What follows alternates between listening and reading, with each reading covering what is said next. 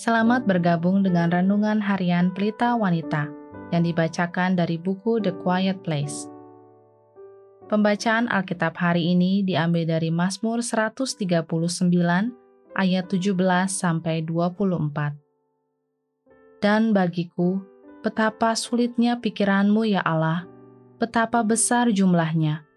Jika aku mau menghitungnya, itu lebih banyak daripada pasir apabila aku berhenti, masih saja aku bersama-sama Engkau.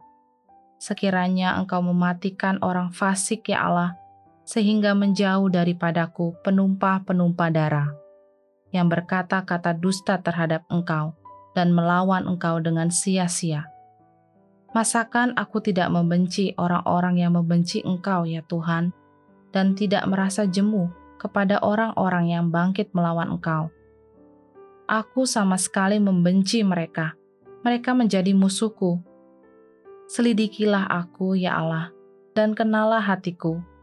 Ujilah aku, dan kenalah pikiran-pikiranku. Lihatlah, apakah jalanku serong, dan tuntunlah aku di jalan yang kekal. Ayat kunci hari ini adalah dari Mazmur 139 ayat 23 sampai 24. Selidikilah aku ya Allah, dan kenalah hatiku. Ujilah aku, dan kenalah pikiran-pikiranku.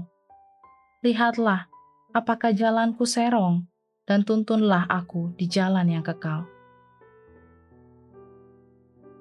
Dimulai dengan kehancuran hati.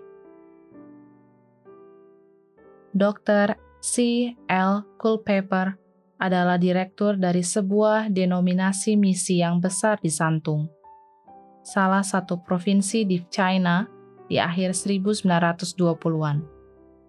Suatu malam, setelah pulang ke rumah dari persekutuan doa, ia merasa terdorong untuk kembali mencari Tuhan sampai larut malam. Ia bertanya, "Tuhan, apa yang ada di dalamku?" Ia merasakan kebutuhan rohani dan kekeringan di hidupnya, tetapi ia tidak tahu apa masalahnya. Keesokan harinya, ia bertemu teman-teman misionarisnya lagi untuk berdoa dan mengaku dosanya, yaitu kepura-puraan rohani yang Tuhan telah bukakan kepadanya di malam yang panjang sebelumnya. Dr. Culpeper mengakui bahwa pujian orang lain atas dirinya sebagai seorang misionaris yang baik telah membuatnya menjadi sombong dan mencuri kemuliaan Tuhan. Ia kemudian berkata, hatiku sangat hancur, sampai-sampai aku tidak percaya aku dapat hidup lebih lama lagi.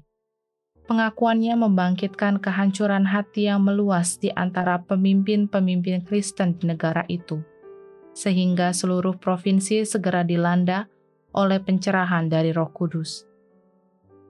Kebangkitan santung yang terjadi dan terus berkobar sampai sekitar tahun 1930-an sangat mempengaruhi keadaan spiritual di China pada era tersebut. Gerakan kebangunan rohani yang paling dramatis biasanya berawal dari sekumpulan kecil orang-orang percaya yang rendah hati. Dan menariknya, para laki-laki dan wanita tersebut yang dianggap paling kudus biasanya adalah yang pertama merendahkan diri mereka dan mengakui kebutuhannya. Pernahkah Anda menunggu pasangan atau anak Anda atau pemimpin gereja Anda untuk kembali memiliki relasi yang benar dengan Tuhan? Dia mungkin menunggu Anda, kehancuran hati Anda, untuk membangkitkan rasa hancur hati dari orang-orang sekitar Anda. Sebagai penutup, mari kita renungkan pertanyaan ini. Kapan terakhir kali Anda meminta kepada Tuhan untuk menyelidiki hati Anda? Dan menunjukkan apakah ada jalan yang serong dalam hidup Anda, mintalah kepadanya pekerjaan Roh Kudus yang menyegarkan hidup Anda, dan juga anugerah untuk dapat berespon dengan kehancuran dan kerendahan hati yang sejati.